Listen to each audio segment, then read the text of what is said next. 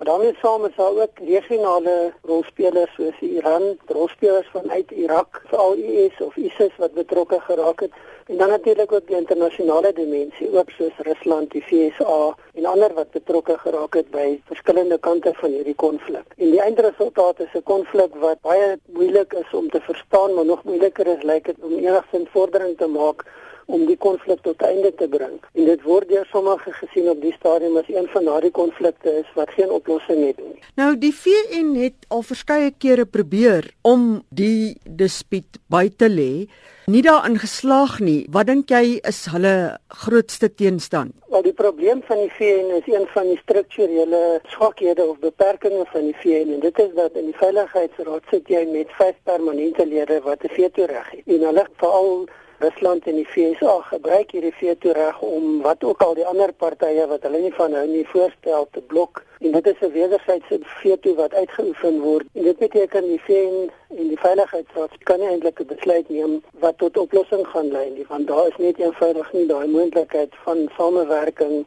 om binne daai formele strukture 'n besluit te kry wat almal se goedkeuring wegdra nie. Hoekom is Sirië vir Rusland belangrik? Dit is belangrik omdat dit die laaste bondgenoot van Rusland in die Midde-Ooste is wat baie na aan Rusland is. Dit gee bepaalde toegang tot die streek vir Rusland. Ehm um, daar is 'n ander plek waar Rusland 'n rol kan speel nie. en daar's 'n groot sensitiwiteit in Rusland vir die feit dat van die VSA saam met die VSA NAVO 'n baie direkte rol in die breë Midde-Ooste speel en dit laat druk op die Russe want hulle sien dit as 'n uh, naderkryp van NAVO aan hulle eie belangegebiede So dit werk in Rusland se guns dat president Trump uit NAVO uit wil gaan. Dis moeilik om te sê of dit in sy guns werk op die stadium, maar ek dink dit skep vir hom 'n bietjie meer beweegruimte want die onsekerheid wat daar in NAVO is en die spanning tussen Europa en die VSA maak dit dat NAVO baie versigtiger gaan wees vir enige besluite wat langtermyn optrede gaan vereis. En dit gee vir Rusland so bietjie meer vryheid om homself te projekteer en 'n ander rol te speel as wat hy tot dusver kon gedoen het. Een van die grootste gevolge van hierdie konflik is die vlugtlinge wat Sirië en die res van die wêreld, veral Europa raak. Wel dit is 'n groot tragedie. Ehm daar is al hier die omgewing van 12 na 13 miljoen mense wat binne Sirië gevlug het van waar hulle gebly het en dan is daar die omgewing van dalk so 'n bietjie meer as 5 miljoen Siriërs wat Sirië verlaat het. Daarvan is so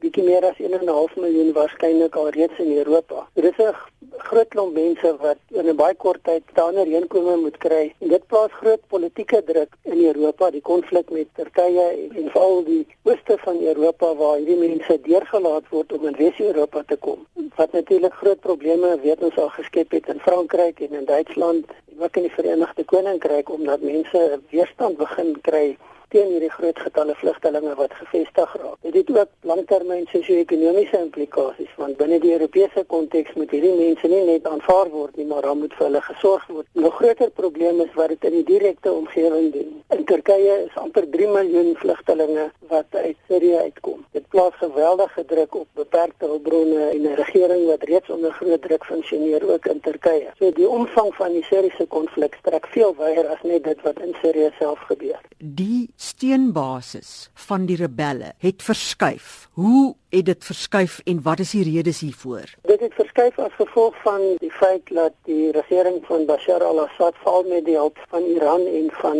Rusland met 'n baie sterk teenoffensief gekom het. Hulle het groot gebiede teruggewen en weer onder regeringsbeheer geplaas. Ook die feit dat die optrede van die VS in Irak groot druk op IS geplaas het, het gemaak dat IS gedeeltelik oor die grens in Sirië in beweeg het, maar daar het ook interne konflik begin. Sommige van hierdie groepe is deur die VSA ondersteun en Europa of lede van NAVO ondersteun hulle ander word deur ander groeperinge binne die uh, Midde-Ooste soos Saudi-Arabië en Qatar ondersteun. En dit beteken jy het fragmentering van groeperinge gekry wat veg teen die Siriëse regering, sommige het teen mekaar begin veg. Ja, die Turkse belange wat inkom waar die Turke teen die Koerde veg en die oorlog gebruik as 'n dekmantel sê baie om die Koerdiese rebelle wat binne Sirië is te probeer uitwis Ja, die Russe wat begin het om met 'n deeglike en en redelike suksesvolle offensief teen sekere van die oppositiegroeperinge op te tree. So die oppositiegroeperinge het versplinter, maar dan is daar ook van hulle wat ander koalisies begin vorm het. Jy het byvoorbeeld 'n wegbeweeg gekry van IS in sekere gebiede van wat tradisioneel Al-Qaeda was, maar wat nou Al-Nusra is. En dit is gedeeltes van ander groeperinge wat bymekaar gekom het in die Al-Nusra front. Sommige van die Vrye Syriese beweging het ook begin om aan alternatiewe strukture saam te werk om te kan oorleef in hierdie multidimensionele oorlog en die druk waaronder hulle is en kyk of hulle iets kan bereik op daai manier. So wat is die oplossing? Eksterne rolspelers sal moet begin besef dat dit wat hulle doen het baie direkte en langtermyn gevolge. Veral Rusland en die VS sal moet tot 'n ooreenkoms kom oor wat hulle bereid is om prys te gee want duidelik gaan hulle nie die oorlog wen en 'n positiewe uitkoms kan kry op wat nou gebeur nie. Daarna sal daar ook gekyk moet word na die regionale konteks. Wat gebeur met die Saudi-Arabiese, Qatariese en ander belange soos die van Iran en daarna sal gekyk moet word na wat is die interne dinamika. Hoe word gemaak met 'n baie onderdrukkende regering wat baie legitimiteit verloor het, maar wat mag en ondersteuning het wat maak dat hulle aan bewind kan bly.